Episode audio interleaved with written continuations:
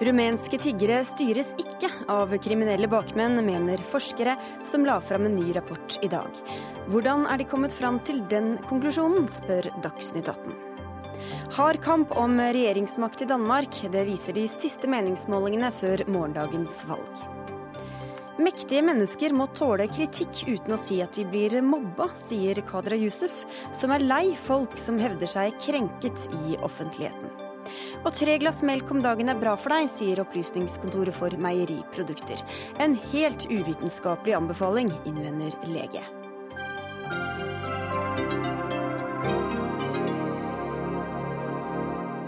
Dette er Dagsnytt 18 i NRK P2 og NRK2, hvor vi også skal til palestinsk politikk. Jeg heter Sigrid Solund. Og først i sendinga skal vi til Fafo-rapporten som har preget nyhetsdagen. Den konkluderer med at rumenske tiggere ikke styres av kriminelle bakmenn, slik mange har trodd.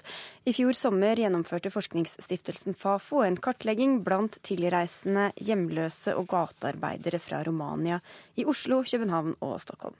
Anne Britt Juve, du er forskningsleder ved Fafo, og du sier til NRK i dag at dere regna med at nordmenn ville tvile på funnene i rapporten. Hvorfor trodde dere det? Nei, fordi Dette er jo et eh, felt hvor folk har lenge hatt veldig sterke meninger uten å ha hatt noe særlig eh, grunnlag for de eh, meningene. Og da eh, er det jo fristende å ikke stole på den forskningen som kommer. Så kan man jo fortsette å mene det man alltid har ment. Vi kan jo komme litt tilbake til det, men først kan du fortelle litt om hva, dere, hva er det dere faktisk har forska på? Vi har intervjuet eh, fattige eh, tilreisende fra Romania i Oslo og København og Stockholm. Og vi har intervjuet dem om en lang rekke forskjellige temaer. Altså, vi var jo interessert i hvorfor kommer de hit? Hvordan har de det i hjemlandet? Hvilke alternativer har de der hjemme? Eh, hva møter dem her? Eh, hvordan behandles de av eh, myndighetene og av privatpersoner? Hva, hva, altså, hvordan opplever de selv dette? Hva, hva, syns de? Hva, tenker de om framtiden? Um, ja, en lang rekke temaer. Og hvordan eh, har dere sikra dere eh, at det, at det de sier til dere er sant? Ja, Man kan jo aldri være sikker på at folk forteller sannheten. og Det gjør at man må bruke mange forskjellige tilnærminger. Så Vi har jo ikke bare intervjuet eh, migrantene selv, vi har også intervjuet de som jobber tett på dem i, i hjelpetiltakene.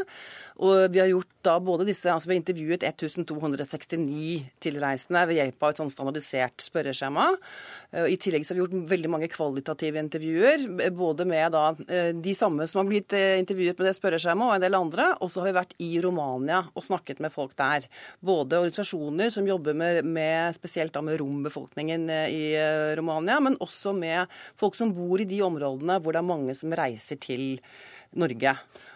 Og da, en, en, viktig, en, viktig, ting når jeg sier at jeg er så sikker på dette med at det ikke for er bakmenn bak tiggingen, en viktig årsak til det er at vi vet så mye om hvordan denne migrasjonen faktisk er organisert. Fordi den er jo organisert.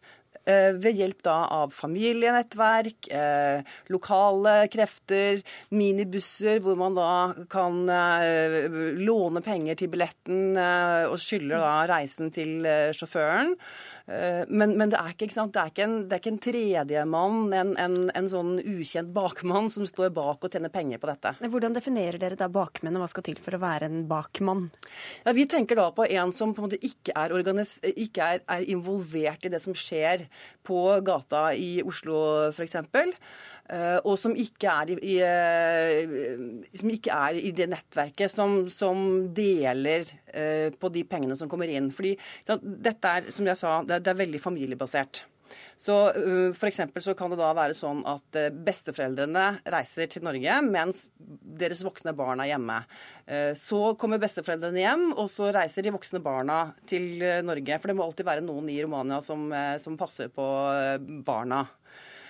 Og da er det sånn at dette er, et, dette er en, en, en, økonomisk enhet. Sånn at de som da er i Norge, sender penger til de som er i Romania. Og de er, det er en form for organisering, selvsagt, men det er ikke sånn at det er en som står utenfor dette, som, som håver inn noen penger. Men en, penger... la oss si en bestefar eller en onkel eller noen som tok med seg barn hit, de, de ville ikke gått inn under deres bakmanndefinisjon, da, selv om det på en måte kanskje tok noe av pengene selv? Det, det kommer, nei, det kommer litt an på hva du mener med barn. For det er ingen som har med seg uh, mindreårige til Norge. De er veldig klar over at da, de, da ville barnevernet i Norge ta affære. Så her er det utelukkende snakk om personer over 18 år. Mm. Eh, nå er Det jo, det har vært mange som har engasjert seg på sosiale medier eh, etter at dere la frem denne rapporten. og Flere skriver bl.a. at de har sett fine biler som stopper tiggerne og får penger fra dem osv. Har dere gjort tilsvarende observasjoner? Vi har ikke akkurat sett så mange fine biler, men vi ser jo at det er noen som går og samler inn penger fra de som sitter på gata. Fordi det å være tigger er en veldig sårbar posisjon. Eh, ikke minst så er de utsatt for tyveri. Sånn at det kan godt hende at det, det er da Eh, f.eks. den litt voksne moren som sitter og tigger, mens, den, mens, hennes voksne sønn står rundt hjørnet og passer på. Fordi en, altså en mann i 20-åra eller 30-åra som er frisk og rask, vil nesten ikke få penger i det hele tatt hvis han setter seg ned uh, og tigger, mens mora vil få det. Og Da er det en fornuftig arbeidsdeling at sønnen passer på mens mora sitter og tigger. Og da For å sørge for at ingen stjeler pengene hennes, så kommer han innom av og til og samler opp det som er i koppen. Og det kan nok av og til misforstås som at det er en sånn bakmann. Ja, så da er, det, da er dette organisering, men ikke bakmann. Ja. Ut fra deres uh, definisjon. Ja. ja. Uh, ifølge Oslo-politiet så er sannheten litt mer nyansert når NRK har snakket med dem. Senest i januar ble uh, to rumenere dømt for menneskehandel med fattige mennesker som ble tvunget til å tigge i Norge. Hvordan henger det sammen med deres funn? Altså, vi sier ikke at det ikke eksisterer menneskehandel, men vi sier at det ikke er det vanlige. Så Man kan ikke ut fra denne type studier utelukke at det fins bakmenn. Uh, og dessuten, altså, Vi hører om noen bakmenn, men de er ikke involvert i tiggingen. Uh, det er så lite penger i tigging. Det Overskuddet er ca. 100 kroner per dag. De drar inn 200 kroner om dagen, og så bruker de 100 kroner uh, for å leve av. Og det er ikke sant, For en kriminell bakmann så er ikke det interessant. Derimot så hører vi om at det er bakmenn i det svarte arbeidsmarkedet og i prostitusjon, for der er det mye mer penger å hente. Dagsnytt 18 har invitert både Høyre, Fremskrittspartiet og Senterpartiet, som alle gikk inn for uh, tiggerforbud. Ingen fra de tre partiene har sagt ja til å komme til oss i dag. Du stilte gjerne opp, Kirsti Bergstø fra SV. Dere gikk ikke inn for forbud. Hvordan mener du at denne rapporten bør påvirke den debatten? Jeg er veldig glad for den rapporten som vi har fått. Jeg håper at den vil kaste nytt lys over debatten, og at man skal få mer kunnskap inn i debatten.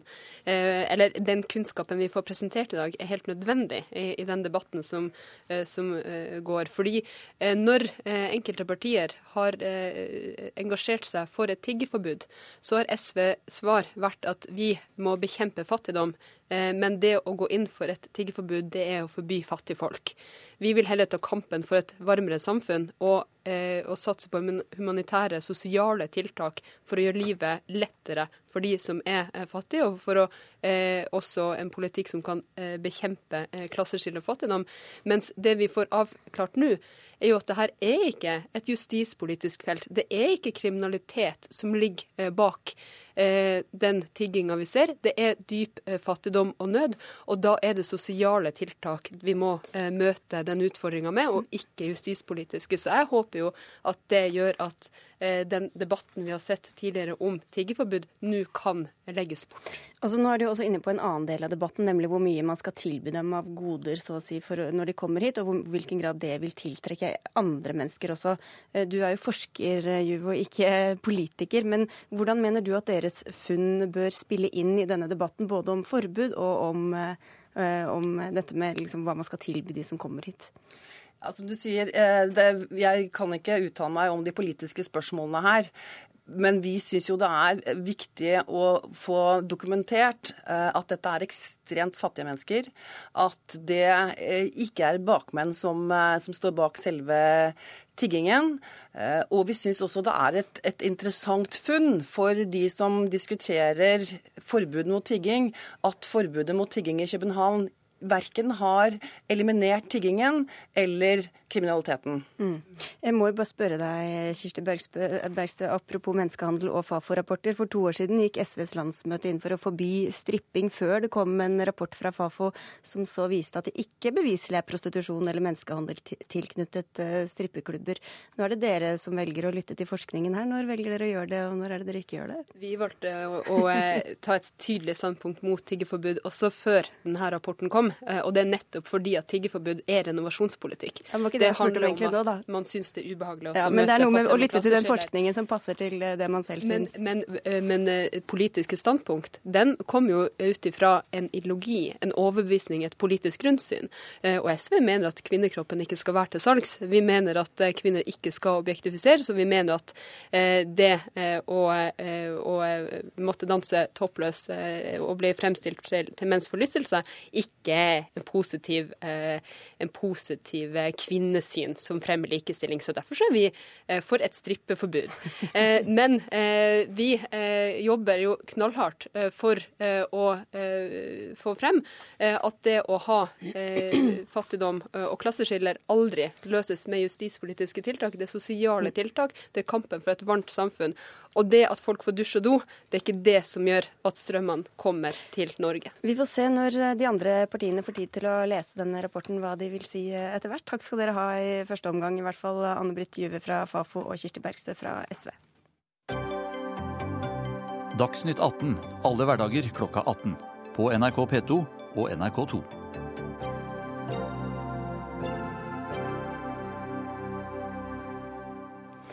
De siste meningsmålingene viser at den røde og den blå blokken er eh, jevnstore. Det går derfor mot en valgthriller når det danske folket skal bestemme seg for hvem som skal styre landet de nærmeste årene. Valgkampen har vært intens, og det er kommet eh, mange utspill for å få velgernes eh, oppmerksomhet. Magnus Takvam, du er politisk kommentator i NRK, og du er med oss fra et studio i København. Meningsmålingene har altså vært jevne. Hva sier de siste tallene nå?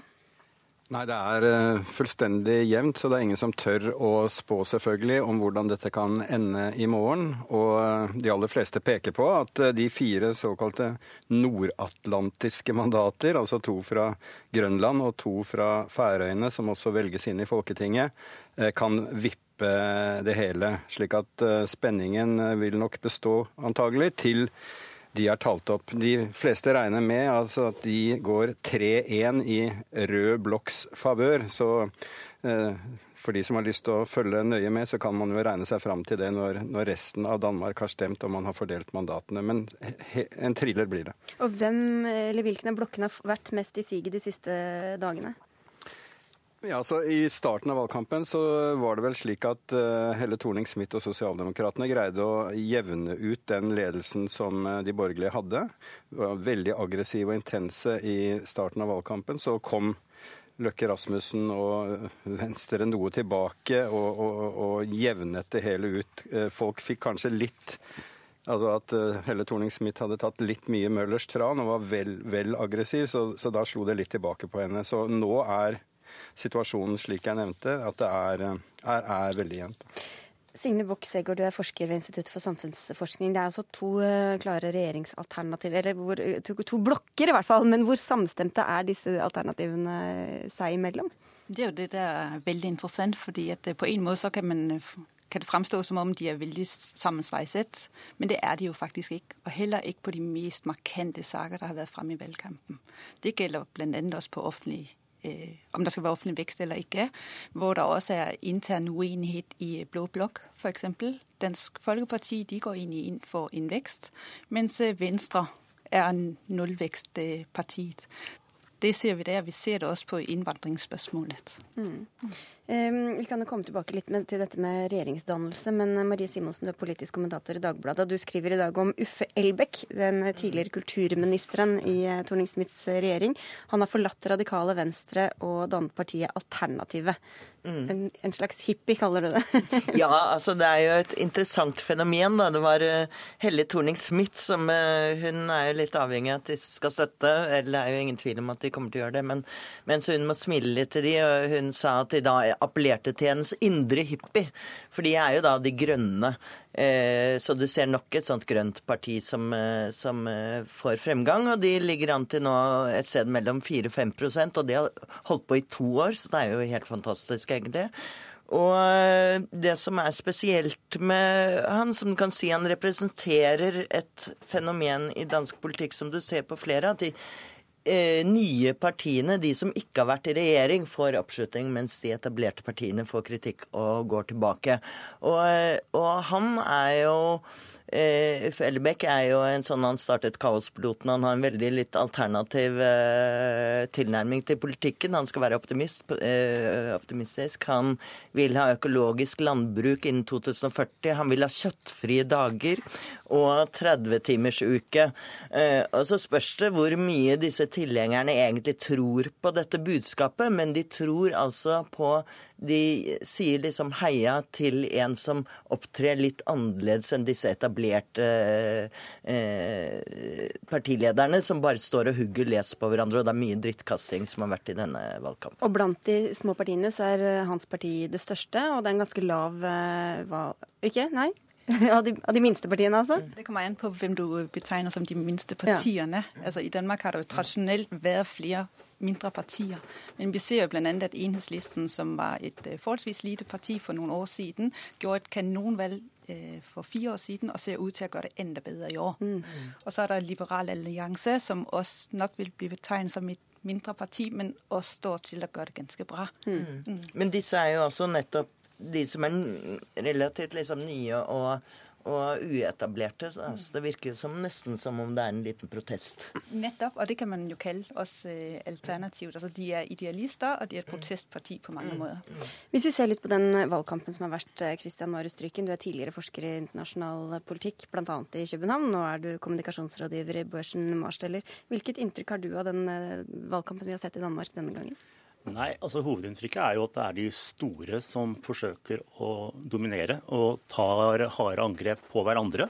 Eh, Sosialdemokratene har forsøkt å gjøre det til et slags presidentvalg, hvor de skal styrke sin egen kandidat Helle Thorning-Smiths troverdighet som den tryggeste og den beste, mens eh, Venstres person, som er omstridt og har hatt en del personlige eksponeringer av eh, mye rart i media, skulle man svekke. Men i dette bildet her så er det jo også samtidig slik at det er en flora av mindre partier som er mye mer enn det vi kjenner i Norge. Og det store bildet er jo at fordi sperregrensen er lav, så er det lett å komme inn med noen mandater. Og hvis man i tillegg legger seg mot sentrum, så kan man bli den som eh, tar balansen til høyre eller til venstre. Og Hvordan forholder da Torning Smith seg for f.eks. til disse små partiene, som eller hun står vel ganske langt unna noen av dem sånn rent politisk? Det gør hun jo, men hun er også afhængig af dem. Og det, som også er sket i den valgkamp her, og det ser ud til at blive manifesteret i morgen, det er jo, at radikale Venstre faktisk bliver et lille parti, mm. sammenlignet med de andre. Det vil sige, det er hendes regjeringspartner regeringspartner, som går hen og bliver et lille parti. Og det kan blive interessant, hvordan det vil bli blive øh, håndteret i i eventuelle regeringsforhandlinger, for eksempel. Men det hun sier, det er at Sosialdemokratiet de vil forhandle hen over midten. Og de vil forhandle med alle. Mm. Men, men, det er jo et bilde som vi for så vidt kjenner igjen fra norsk politikk. Dette er at eh, de små blir eh, slukt når de går inn i regjering med de store. Eh, radikale Venstre sliter nå. Eh, Sosialistisk Folkeparti gikk jo ut i fjor eh, og er i en aldri så liten krise og ser ut til å gå tilbake eh, selv om de eh, hoppet av. Så, så, det er jo et gjenkjennelig bilde fra Norge. Vi får inn København litt her også, Magnus. Hvordan ser de regjerings, mulige regjeringsalternativene ut ved enten en blå eller rød seier? Jeg tror nok det, på, den, på venstresiden vil det fortsatt bli en regjering av sosialdemokratene og radikale venstre. Eh, men blir det en borgerlig seier, så er det mer uh, usikkert. Det er jo slik at partiet Venstre, Løkke Rasmussens parti, kommer til å gjøre etter meningsmålingene i hvert fall, et relativt dårlig valg. Mens det er Dansk Folkeparti eh, som på en måte redder da eventuell, en eventuelt blå seier. Og nettopp Dansk Folkeparti har jo til nå ikke villet gå inn i regjering, og gjentar fremdeles det i øyeblikket.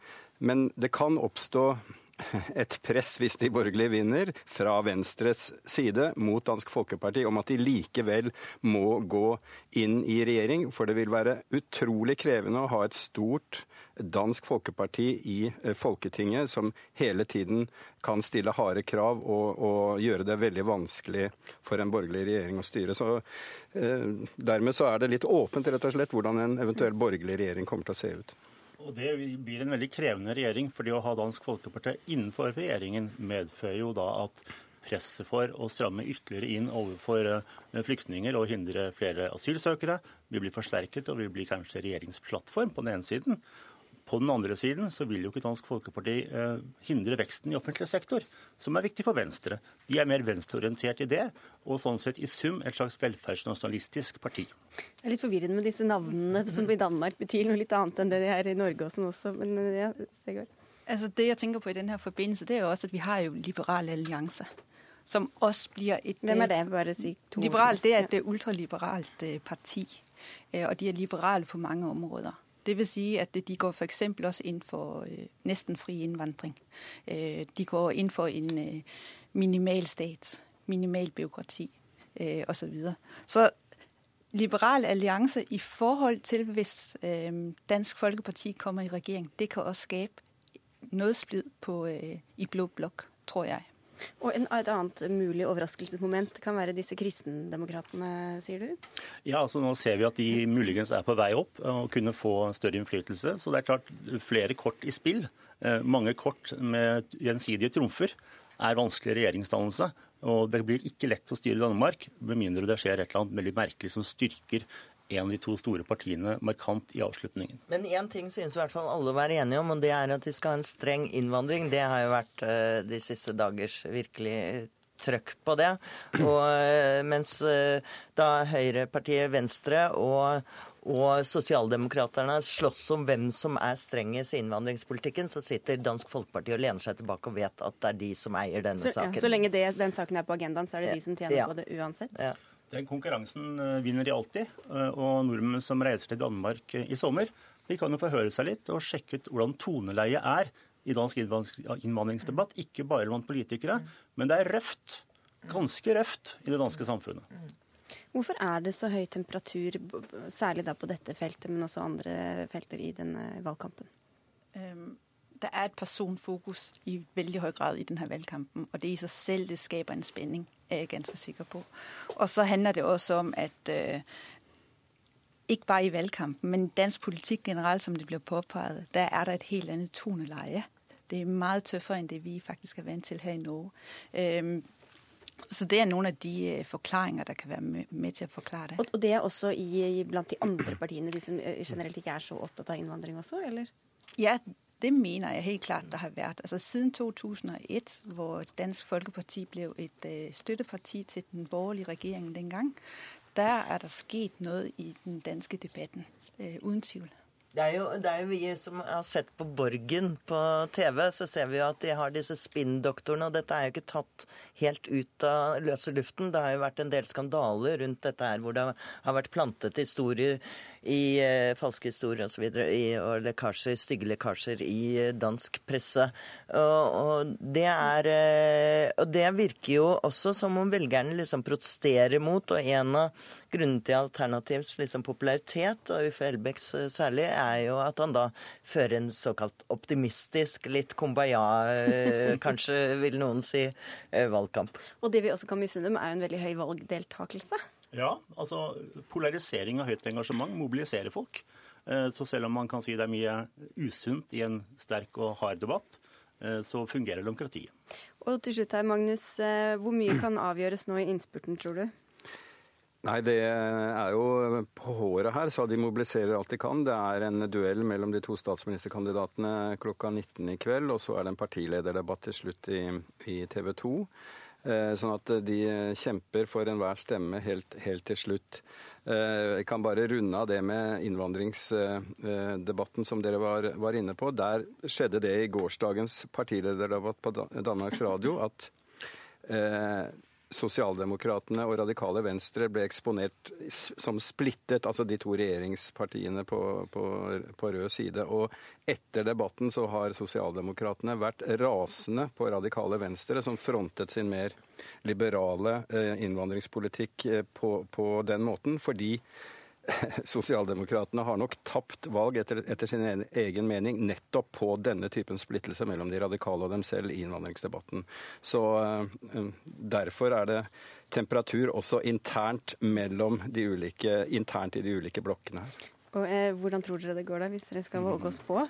Det er litt tidlig å drive politisk kannestøperi og ikke minst så tett opp til at folk husker hva du har sagt. Ja, Det er det som er litt skummelt. Ja, det, det, virker som om danskene vil ha Helle Thorning-Smith som statsminister, men at de borgerlige skal overta.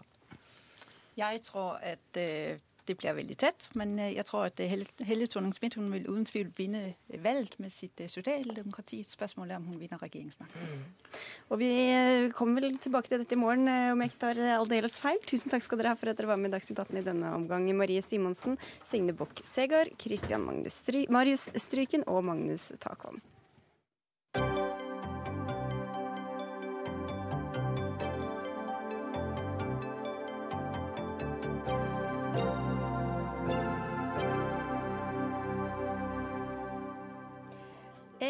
Av tre gutter fullfører ikke videregående skole. I Oslo øst eh, dropper nesten halvparten av guttene ut. Systemet for å fange dem opp er for dårlig, og skolene er tjent med å melde fra seint, sier du Jan Bøhler, du sitter på Stortinget for Arbeiderpartiet. Hvorfor eh, sier du at systemet ikke er egna til å følge opp disse elevene? Det er et problem at det er ca. 30% som ikke fullfører videregående innen fem år. Som, det har ligget der helt siden eh, Reform 94 kom.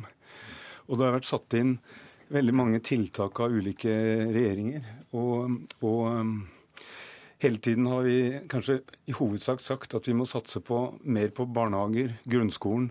Altså at årsakene ligger i, i hele løpet, utdanningsløpet. Mm. Sånn at man når man kommer til videregående kan velge å droppe ut. Altså da, at det er det som blir resultatet for en del. Sånn at eh, Jeg er enig i det at vi skal fortsette å forbedre grunnskolen og barnehager og sånn, men jeg mener også vi må se på om tiltakene er gode nok i selve den fasen hvor de dropper ut. Og Jeg har vært og snakket med en del elever, eller tidligere elever da, som jeg kjenner oppover i Groruddalen, og snakket med de som jobber med de bydelene. Og Ut fra det så har jeg kommet fram til at det er en del punkter vi bør sette fingeren på og forbedre systemet.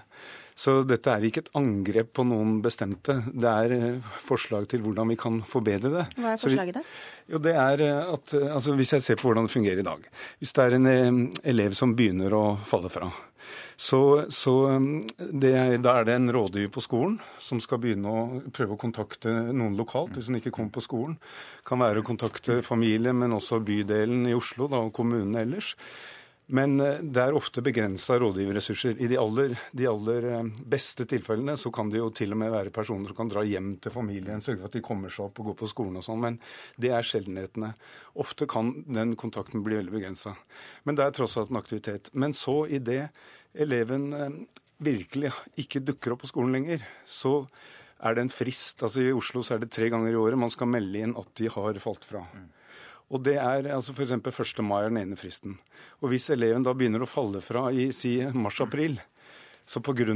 det som du programleder var inne på, at eh, skolene har en, en eh, stykkprisfinansiering, heter det, per elev. På, den ligger på de billigste linjene på 72 000, men opp mot 450 000, gjennomsnitt 100 120 000. Så, jo, så kan det ligge et insentiv da, til å se det litt an. Og så blir det da i mange tilfeller at man da, for de som har falt fra ganske sent på vårparten, venter til 1.10 med å melde inn. Og så er det treghet i den etaten og sånn, så det de sier til meg i bydelen, er at de ofte kan få de listene om hvem som har falt fra, da først i november-desember. Ja, lenge etter at, og så har jeg møtt da elever, da, så det, det, man kan godt si at det, det, ideelt sett skulle ikke systemet være sånn, men jeg har altså snakket med personer, og en som het Lasse ble intervjua i går av NRK, at de har gått i seks-sju måneder uten å høre noe. Okay, men da må vi, og vi da er det en fare for at de kan havne ute i mange problemer. Ja, ikke, Skjønner, ja, ikke bare en fare, det er vel en Det, det gjør det jo. Ja, det gjør det. Du er kunnskapsminister minister Torbjørn Røe Isaksen eh, som snakker nå. Eh, hvor godt er systemet vi har i dag for å fange opp disse ungdommene? Jeg synes Ofte så er det nyttig å bare se på får vi til det vi sier vi skal gjøre. Mm. Eh, og det gjør vi ikke. Eh, Ca. 30 eh, fullfører ikke videregående skole på normert tid. Så er det en del som tar utdannelse etterpå og blir ferdig senere i livet. Men altså, det, er, det, er, såpass mange som faller fra. På en del yrkesfagprogrammer så har det vært helt opp i halvparten. I en del fylker så er det opp i halvparten av elevene. Noen steder så er det til og med under halvparten som fullfører. Og det er klart, Da er jo ikke systemet bra nok. Og så er, det, så er, det, veldig forskjellig fra fylke til fylke, eh, og det Bøhler beskriver her. Sånn er det i Oslo. Der er det sånn at de teller tre ganger i året. Det er veldig bra. Eh, for hvis du bare teller én gang i året, så tar det jo enda lengre tid. Men så er det sånn at uh, Hvorfor kan du ikke fylke... bare melde fra med en gang noen ikke har vært på skolen nei, det, i to uker? da? Nei, det, og det er det jeg mener. Der, og der syns jeg Jan Bøhler har et veldig bra poeng. For at én ting er altså det, Hovedgrunnen til at man teller, jo, har jo noe med økonomien til skolen å gjøre. Mm. Eh, men det kan jo ikke være sånn at man venter på en telling for å sette inn tiltak for en elev som er i ferd med å falle fra. Eh, altså det, om, om, skolen eh, altså hvis, hvis, det går to måneder, eller si, si, det går tre uker, da, bare la oss være litt rause, fra en eh, skole mister en elev til de melder fram at eh, nå skal jeg ikke ha pengene for den eleven, sånn som systemet er i Oslo. Det er ikke sånn i hele landet. Det kan vi kanskje leve med, men hvis det går tre uker fra en elev slutter å møte opp på skolen, til han får en telefon, eller noen forsøker å gripe inn, eller noen melder fra, så er jo ikke det bra nok. Helt åpenbart. Men bare for å stille et uh, spørsmål. Altså, um, mange faller fra, men kan det være like bra at ikke så mange begynner på videregående, som at liksom flere fullfører? Er det gitt at det skal være så mange Nei, som går jeg, jeg, jeg mener ikke det. Uh, fordi jeg mener at vi trenger mer tilpassa løp på videregående skole. Vi har nå åpna Eh, noe som heter praksisbrev, som kommer nå, som er et veldig arbeidsretta, tett på arbeidslivet, lite teoriløp, som kommer til å være for de som har veldig dårlige forutsetninger for å fullføre. Men det er jo ikke du vet at når, Folk som dropper ut, og så starter de på skolen igjen kanskje fire år senere, eller i verste fall har brukt opp retten sin og står der som 30-åringer og har lyst på videregående utdannelse, eller ja, 24-åringer eller 25-åringer, så, så, er jo det et kjempetap. Og så vet vi at de som dropper ut, er overrepresentert på sosialhjelpsstatistikk på veldig mye Nav-statistikken, selv om det også går bra med en del. Ok, men så eh, Dere er enige om at man skal melde fra før, eller sette, sette i gang tiltak tidligere. Ja. Men du vil også at eh, skolene skal ha ansvar for dem under 18 år, selv når de ikke går på skolen, eller hva er det det forslaget går ut på, Jan Bøhler? Ja, altså Jeg eh, er bekymra for det at det blir perioder med uklart ansvar. Og så oppstår det perioder hvor det blir et tomrom. Mm. Og da er jo et, et, mulig alternativ Vi har noen forsøk på det nå i Oslo. To skoler som jeg kjenner til som har Nav-kontakter på skolen, og som jobber der sammen med rådgivere med elevene med en gang. Og de skolene har da fått færre som er kvittert ut som drop-out. F.eks. Stovner videregående har prøvd det nå. Og det, og det jeg eh, mener er at det kunne vært en tanke at, eller et forslag da, og hatt, eh, latt ansvaret være på skolen, selv om eleven er ute på holdt på å si, selv om man jobber i kassa i en, i en kiosk eller i en butikk, holde kontakten, tilby kurs at det er skolen som skal passe på at det ikke bare er en kortvarig vikarjobb. Hvorfor skal det være skolen som gjør det? Fordi man hele tiden bør ha kontakt med skolen, i hvert fall opp mot 18 år, i håp om at man kan komme tilbake og at det skal være én instans, fordi nå blir det ofte flytende i perioder. Og at håpet om at eleven skal komme tilbake, at den avgjørelsen ikke kan tas når man er 16-17 år, men at den bør kunne vente lenge. Og Da ville jo det i praksis bety at noe av den stykkprisfinansieringen skulle holdes igjen på skolen, da, sånn at de kunne ha råd til flere rådgivere for å gjennomføre dette også for de som ikke er i klasserommet, men som også kan være på praksisbrev, som uh, Røe Isaksen nevnte nå. Flere oppgaver inn i skolen, Røe Isaksen. Si det, så, bare sånn at de som hører på, som kanskje ikke er vel bevandret i hvordan vi finansierer. Eh, skolene og, og, fylkene. Så er det ikke alle eh, fylker som har samme system som Oslo. bare Så det er sagt. Så mange, mange, lar skolene beholde elevene. Det er jo i og for seg også et problem, for da taper jo skolen ingenting hvis eleven dropper ut. Mm. Men, eh, men, jeg syns at det, det Bøhler skisserer her, det, det, er sånne ting som jeg mener at vi skal forsøke. Bare for å, for å si to ord om hva vi gjør i regjeringa sin side. Vi har nå i, i de siste åra brukt kanskje 700-800 millioner på å få ned frafallet. Vi har ikke fått det ned. Og så sitter vi igjen med en evaluering som sier at det vi har gjort, har ikke fungert. Men vi har egentlig ikke lært noe om hva som faktisk fungerer. Så det vi har gjort nå, er å sette i gang et nytt program hvor vi rett og slett skal teste ut og forske på tiltak og så skal vi se hva fungerer, hva fungerer ikke. Det er ikke noe quick fix, men det betyr at om tre-fire år så begynner vi å ha en oversikt over hvilke tiltak er det som reelt sett får ned frafallet. Og da er det den type tiltak som Bøhler foreslår her, som vi må prøve ut. For vi må prøve ut alt, men da må vi gjøre det systematisk, sånn at vi lærer noe av det. Jeg syns det er eh, veldig ålreit å høre at eh, det blir tatt på alvor. Jeg eh, har satt meg konkret inn i dette. Jeg snakket med de som jobber med det i bydelen i Oslo. De får en fortvila situasjon når de får 100 navn på en liste tre ganger i året. Og, og de trenger å ha en annen prosess. Du kjenner jo alle i Groruddalen nesten, så du vet vel hvem alle som faller fra. Du får få noen navn av Jan Bøhler Isaksen, så får dere ta et lite seminar. Og det er, det, er, det er, mange ungdommer. Mm. Så eh, jeg er eh, glad for at vi, om vi kan ta dette på alvor, så er det ikke noe som er bedre enn det. Gemyttlig debatt her. Takk skal dere ha begge to for at dere kom til Dagsnytt 18, Jan Bøhler og Torbjørn Røe Isaksen.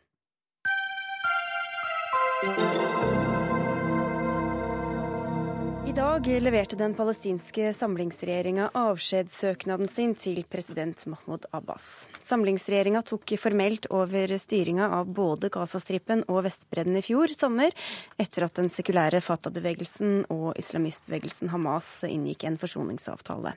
Korrespondent Sigurd Falkenberg Mikkelsen, hvorfor har regjeringa levert avskjedssøknaden sin nå? Dette er jo en del av dette maktspillet som pågår mellom eh, Fatah og Hamas, og også interne konflikter på Vestbredden.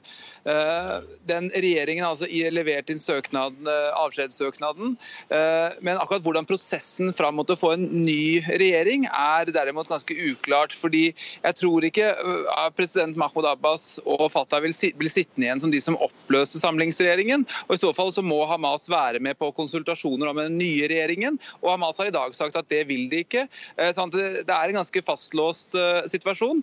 Og så er det et bakteppe her som også er eh, viktig. Det er at det foregår samtaler mellom Israel og Gaza, altså Hamas på Gazastripen, som Abbas er ekskludert fra. Hvordan har de palestinske områdene vært styrt fram til nå? Dette går jo veldig dårlig.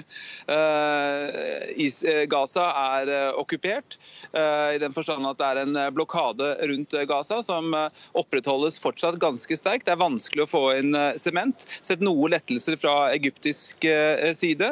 sånn at det har vært veldig lite gjenoppbygging. Det er den ene biten. Den andre er at Fatah og Hamas klarer ikke å få dette samspillet til å fungere. sånn at det er fryktelig vanskelig for Hamas å styre Gazastripen på noen fornuftig måte. Dag Tuasa, du er førstelektor ved Universitetet i Oslo. Vi hører at det er en teknokratregjering som har styrt. Hva kan du si om den styringssettet? Hvorfor har de gjort det på den måten? Ja, det har med at uh, når uh, man danner den samlingsregjeringen, så var et kriterium for det internasjonale samfunnet at uh, Hamas ikke skulle være med.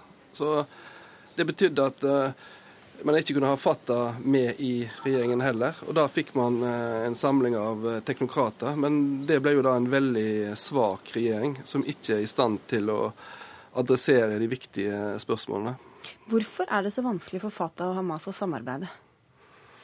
Ja, altså det, har, kan, det, som er vanskelig, er kanskje for det internasjonale samfunnet å akseptere at de samarbeider. Og så nøkkelen er ikke nødvendigvis imellom Fatah og Hamas. fordi innenfor begge de to bevegelsene så har man både radikale og moderate elementer. Og de moderate elementene innen både Hamas og Fatah samarbeider godt sammen. Men Israel er, har ikke vært interessert i at man får en palestinsk samling, fordi det vil styrke palestinerne. Og det internasjonale samfunnet har fulgt Israel i deres syn på, på en samling. Men eh, Sigurd Fatah har også kritisert Hamas for å ikke være villig til å gi fra seg styringen av Gaza. Hva ligger i den kritikken? Nei, altså Dette er jo en eh, maktkamp som springer ut av eh, valget 2006. Det siste valget som ble avholdt, som Hamas eh, vant. Og Etter hvert så ble også Fatah da tvunget ut av Gaza i 2007 og den borgerkrigen som da fant sted der. Så det er mye vondt blod dem imellom sånn sett. Og Det gjør også at konflikten er vanskelig å løse, i tillegg til det som dere er inne på fra studio, nemlig at det internasjonale samfunn og Israel heller ikke er spesielt interessert i å få dette samarbeidet til å fungere. Og Du sier til oss at eh, Hamas er også under et voldsomt press. Hvordan da? De har vært under press fordi de har, deres ansatte i Gaza får, har ikke fått lønn.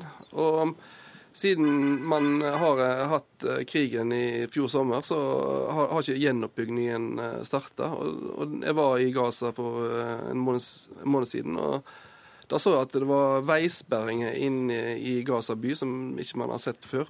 Fordi man har fått en oppblomstring av denne ISIS og Daesh, denne eller islamske staten, i, i Gaza. Og, som da truer Hamas. Hamas har vært interessert i nå å å kontrollere Gaza, men eh, det ser ut til at de holder på å miste kontrollen over Gaza, selv da disse militante gruppene som, som, har skutt raketter mot Israel uten at Hamas har greid å stoppe dem. Hvem er det som Er det da IS, eller hvem er det som, som Det er òg denne islamsk jihad, som har uh, hatt noen interne problemer med manglende lønninger, og, og som har prøvd å eskalere en konflikt med Israel. Så og Nettopp det er et bakteppe for at eh, Israel begynner å interessere seg for å få ro i Gaza. Så det, det er jo veldig interessant at, man, at Israel eh, eh hindrer palestinerne å, å, å, ha en samarbeidsregjering eh, der Hamas er med. Og, der, og at uh, man samtidig snakker sjøl med uh, Hamas. Da. Så Palestinerne sjøl kan nesten ikke snakke sammen, mens uh, Israel sjøl tydeligvis snakker med Hamas. Men er det gitt, Sigurd, at Israel tjener på en, en palestinsk splittelse?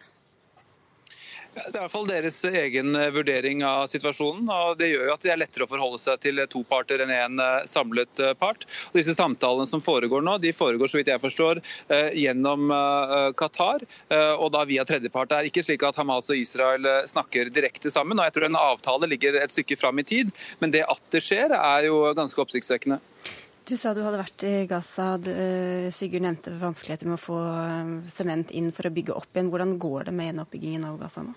Nei, Det skjer omtrent uh, ingenting. Så det var uh, uroligheter rett før jeg kom, og da var det for, fordi folk ikke hadde strøm. og så fikk man en ordning med seks timers strøm, og da blir plutselig folk litt fornøyde. For vanligvis har de kun fire timers strøm om, dagen. Så det er en permanent krise der. Men så du da tegn til at folk vender seg mot de mer ytterliggående, altså som IS f.eks.?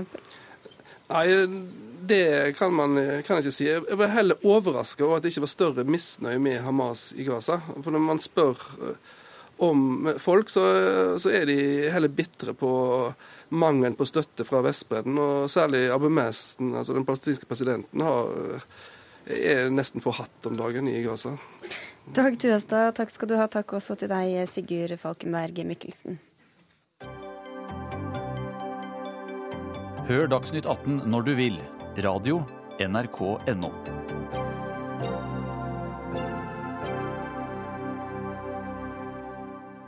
Debatten om debatten ruller og går. Er vi for lett å krenke, eller er norsk offentlighet for hard? I VG stilles spørsmålet om vi ikke lenger forstår forskjellen på mobbing og kritikk.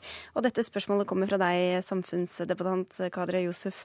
Du mener at deltakerne i offentligheten, eller i hvert fall noen av dem, har altfor lett for å hevde at de blir mobbet fordi de blir kritisert. Hva tenker du på da? Eh, jeg gir jo konkrete eksempler på eh, veldig mange mektige mennesker i vårt samfunn. Eh, både toppolitikere, medlemmer av kongefamilien, skuespillere eh, i det hele tatt, som eh, gjør noe kritikkverdig. Eh, kanskje noen ganger sier noe kritikkverdig. Eh, og når man da påpeker det, eh, så sitter mobbekortet løst i det offentlige rom. Og det er en hersketeknikk. Men enda verre enn det, det ødelegger samfunnsdebatten. Fordi at det er jo ikke gøy å, å bli kalt mobber. Det er jo og, Men det viktigste, syns jeg, da, er at vi utvanner et begrep som og vi fratar eh, vern fra de svakeste i samfunnet. Og da tenker du på barn eksempel, som blir mobba på skolen? Absolutt. At man utvanner det begrepet. Hvor utbredt er dette da, syns du? Jeg har vært veldig lenge i samfunnsdebatten, men jeg merker at det har blitt eh, mer og mer av det.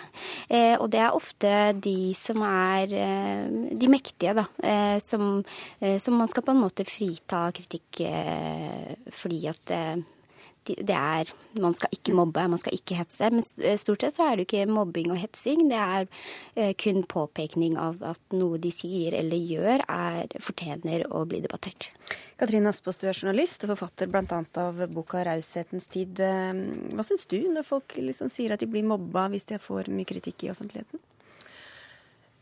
Jeg tenker at eh, Kadra Josef har et veldig godt poeng med at vi må lære oss å ta imot kritikk. Det er jo det vanskeligste, Noe av det vanskeligste i et menneskeliv er jo å lære seg å invitere inn til kritikk og gi kritikk på en saklig måte uten å tenke at mine kritikere er onde eller slemme eller Så det er veldig viktig at vi lærer oss det. Men så er det jo veldig fort gjort. Jeg ser jo tendenser til det at vi det er veldig fort gjort å begynne å gå løs på eh, et menneskes eh, personlighet, f.eks., i stedet for å gå direkte til sak. Sånn som med, med ordføreren i Bergen. Så er det jo veld, det er helt legitimt å stille spørsmål ved hennes dømmekraft. Men det å begynne å snakke om og hun tåler ingenting, og nå har hun sykemeldt seg Det å si hun har sykemeldt seg Hun har jo ikke sykemeldt seg, hun er blitt sykemeldt. Og det er, helt, det er også helt legitimt. Vi er mennesker alle sammen som gjør dumme ting. Som påpeker andres Altså konfronterer når vi syns noe er dumt. Men det er det å lære seg å konfrontere på en vennlig og konstruktiv måte. Og, er, er, det sånn det gjøres i den norske offentligheten i dag, da, syns du? Ofte så tenker jeg at vi klarer det. Heldigvis, når vi gjør det, når vi gjør det bra. Ofte så kan det være veldig god underholdning i å ta personen og ikke saken. Men det, jeg, det som jeg syns er et problem, kan bli et problem, det er opphetede debatter. Da går vi glipp av læring. Vi går glipp av å bygge det landet som vi holder på å bygge. Mens eh, rolige samtaler, det, da kan vi lære noe. Jeg, jeg mener jo at uh, det skal være rom for uh, kritikk. Det skal være rom for uh, høylytt argumentasjon, og, og, kanskje til og med krangling i det offentlige debatten. jeg tror ikke samfunnet vårt har kommet dit det har kommet ved at vi har sittet rundt et bord og vært snille med hverandre. tvert imot. ta likestillingskampen, f.eks. Eh, kvinner har jo stått i barrikadene, og man har kjeftet på hverandre og i det hele tatt. Så jeg tror at det viktigste i eh, et offentlig og et åpent samfunn er en eh, høylytt debatt eh, som, der temperaturen er høy. Men det er jo ikke alle som er like tøffe. Hvor demokratisk er det å si at hvis du ikke mm, tåler eh, steken, får du ikke være med på leken, for å si det sånn? Jeg, jeg, tror ikke, jeg, tror ikke, det er sånn det fungerer. Men Tror du ikke at folk lar være å være med i det offentlige ordskiftet fordi de liksom ser hvor hatsk det kan bli der? Det kan bli hatsk eh, noen ganger, men jeg tror ikke det er det som eh, Jeg tror ikke det er det som eh, er det største problemet, da. Nettdebattene kan sikkert ta av, men i aviser, kommentatorer og ellers så føler jeg ofte at Eller syns jeg ofte at debattene er passe anstendige. Katrine Aspås, er, er, du enig i at det er en tendens til å stemple alt som er ubehagelig og kritisk som mobbing og hets? Det er jeg enig i at vi kan finne på å gjøre. For det gjør vondt å bli kritisert. Det er ikke noe, er ikke noe moro. Og jeg tror ikke Det det er fullt mulig at Kadra Josef hun er så, er så innbarka debattant, ikke sant. Og jeg kan også like å slåss, og jeg ser verdien av å, å, å bryte meninger. Det er jo ikke sånn at er enig å tro til Dovre faller, uenig å tro til Dovre faller. Vi, vi, samfunnet vårt bygges på uenighet, for det er ingen av oss som sitter med løsningene. Løsningene fins et sted uh, midt imellom oss. Men det er det der og Det jeg vil til livs, da, det er den tendensen til å sitte og kritisere.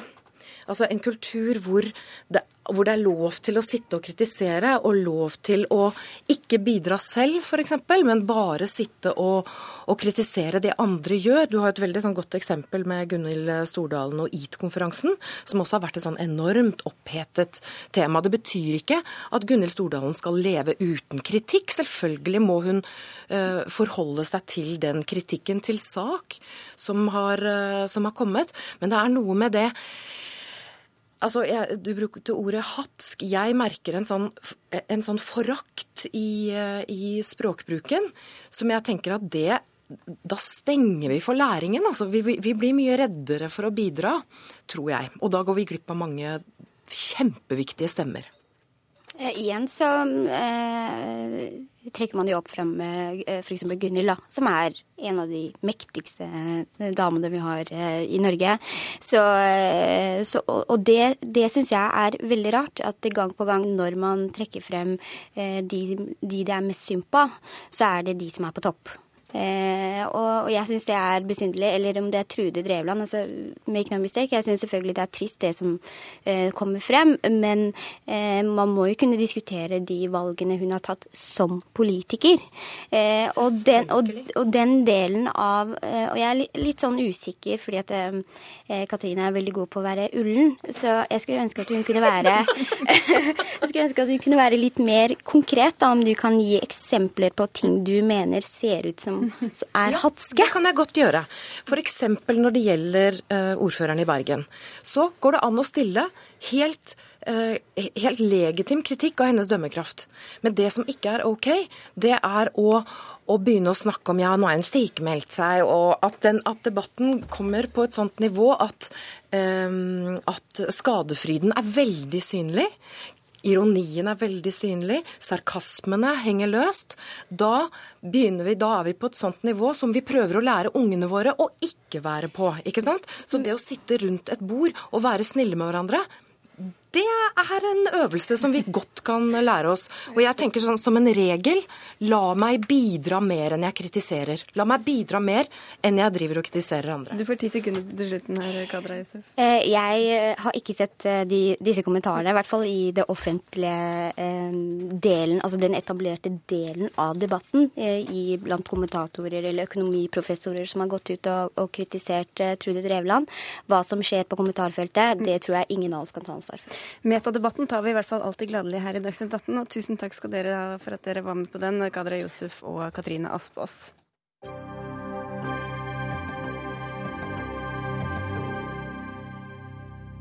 Tre porsjoner eh, meieriprodukter daglig sikrer det anbefalte kalsiuminntaket i et ellers sunt og variert kosthold.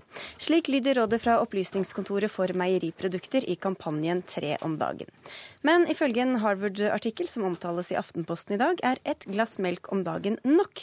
Og forskerne ved det prestisjetunge universitetet advarer mot et høyt inntak av eh, meieriprodukter. Tanja Kaltsjenko, du er lege og blogger. Eh, hva synes du om at folk anbefales å få i seg tre meieriprodukter? om dagen? Eh, jeg synes ikke noe om det. Det er fordi både Helsedirektoratet og Harvard universitet har sagt at det ikke finnes godt nok grunnlag til å, anbefale, til å gi konkrete anbefalinger på inntak av meieriprodukter.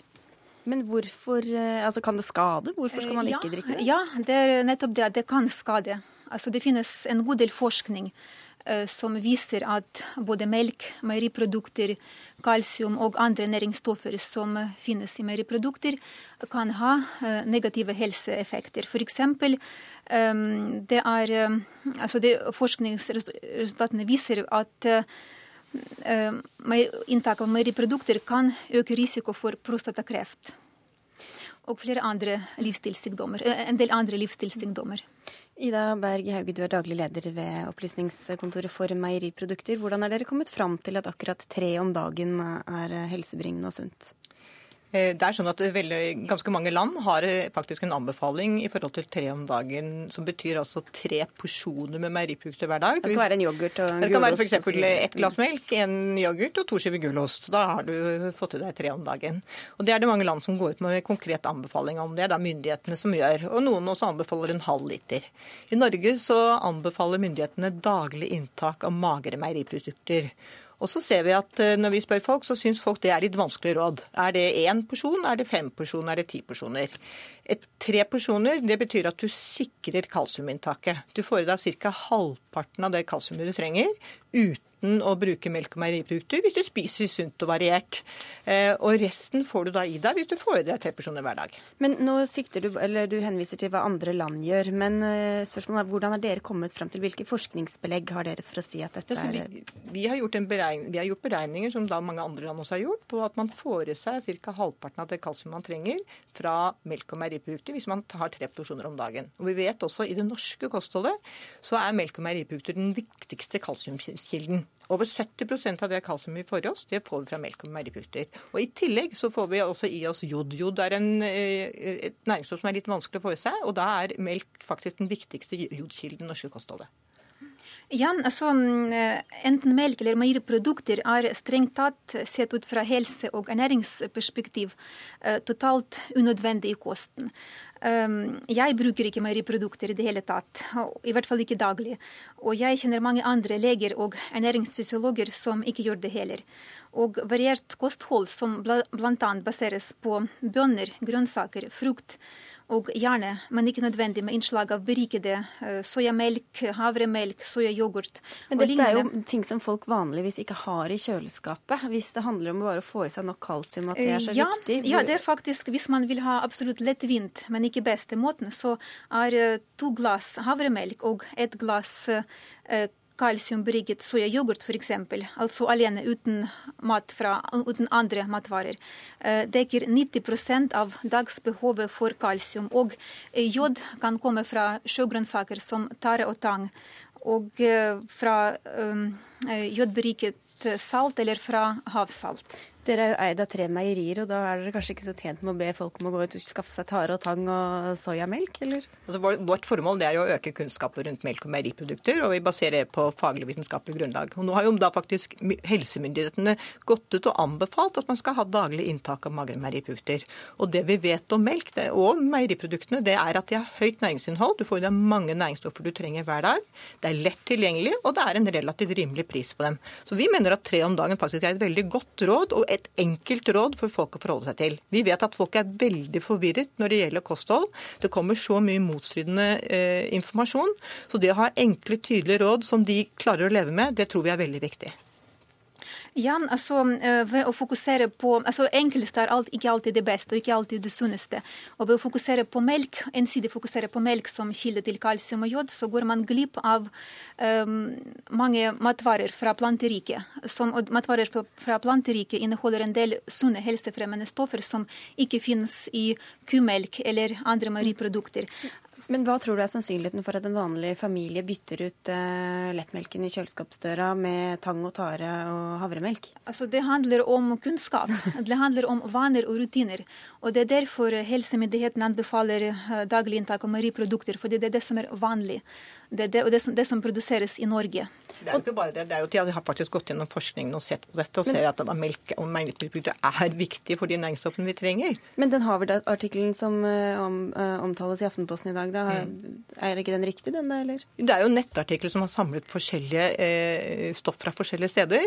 Eh, så vi igjen forholder oss til myndighetene, som da går ut og anbefaler dette. At dette skal vi ha oss hver eneste dag. Og det tror jeg er et uh, veldig godt råd. Det, du driver jo en vegetarian, eller vegan Altså, jeg er medlem i um, foreningen Helsepersonell for plantebasert kosthold. Og jeg også har egen nettside hvor jeg, jeg som heter optimaltkosthold.no. Og jeg driver også Eh, eller jeg har nettside, min personlige nettside, eh, vegetarlegen.no. Men tror du at da ditt eh, syn på hvilken forskning som er riktig og viktig, mm -hmm. kan mhm. være preget av, av, det ståstedet? Jo, men det er nettopp mitt ståsted er preget av denne forskningen, av alle de både enkeltstudier og oppsummert forskning, og ikke minst av konklusjoner til flere fagpaneler, som f.eks. Harvard University. Altså, det er jo riktig at du får, kan få kalsium fra andre kilder, men det som er utfordringen, er at det er ganske vanskelig å få det til. Man skal ha veldig god kunnskap, og man skal være veldig bevisst på hva man gjør. Men og det gjelder jod. Kan det være at det er fordi vi hele tiden får beskjed om å drikke melk og spise brød? Og kjøtt? Det er jo fordi at dette er eh, lett tilgjengelig å få, å få tak i. Det er noe som finnes i butikken for folk flest. Og det er sunne produkter som man kan bruke hver eneste dag. Og det er klart at hvis man skal begynne å bruker veldig mye avanserte produkter som man går i spesialbutikker for å få tak i, så, så, oppleves jo det som å være problematiserende for folk flest. Hvorfor kan man ikke heller gjøre de produktene lettere tilgjengelig i den vanlige Nettopp. butikken? da? Nettopp. Det, må man jo, det er jo handelen som må sørge for at det skjer i så fall. Men igjen så er melk sunt, og melk kan man drikke hver eneste dag. Det inneholder jo veldig lite fett hvis man eh, holder seg til mager melk. Og så inneholder det seks næringsstoffer som man trenger hver eneste dag. Så for meg så er det litt vanskelig å skjønne at dette skal være så veldig vanskelig og problematisert. Og vi går, tre om dagen er jo et veldig moderat råd. Vi går jo ikke ut og sier veldig, veldig mye. Vi sier tre om dagen, som er helt vanlig for folk flest. Og veldig mange følger det rådet allerede. Ja, altså Det er ikke vanskelig. fordi Jeg for eksempel, jeg drikker ikke melk og bruker ikke andre meieriprodukter. Og jeg handler eh, nesten utelukkende på Rema 1000 eller Kiwi. Altså på helt vanlige butikker. Og soyamelk, som sagt, så to glass havremelk og et glass soyayoghurt per dag er nok til å dekke 100 av dagsbehovet for kalsium. Jeg tror mange ikke hadde opplevd at det er samme produktet hvis man hadde drukket det. da. Det smaker jo ikke det samme. Da fikk vi litt eh, sånn eh, anbefalinger på slutten her. Tanja Kalsjenko og eh, Ida Berg Hauge, takk skal dere ha for at dere kom til Dagsnytt 18, som nå er over. Alf Hartken hadde ansvaret for innholdet i sendinga. Lisbeth Sellereite var teknisk ansvarlig. I studio Sigrid Solund, og vi er tilbake i morgen igjen klokka 18.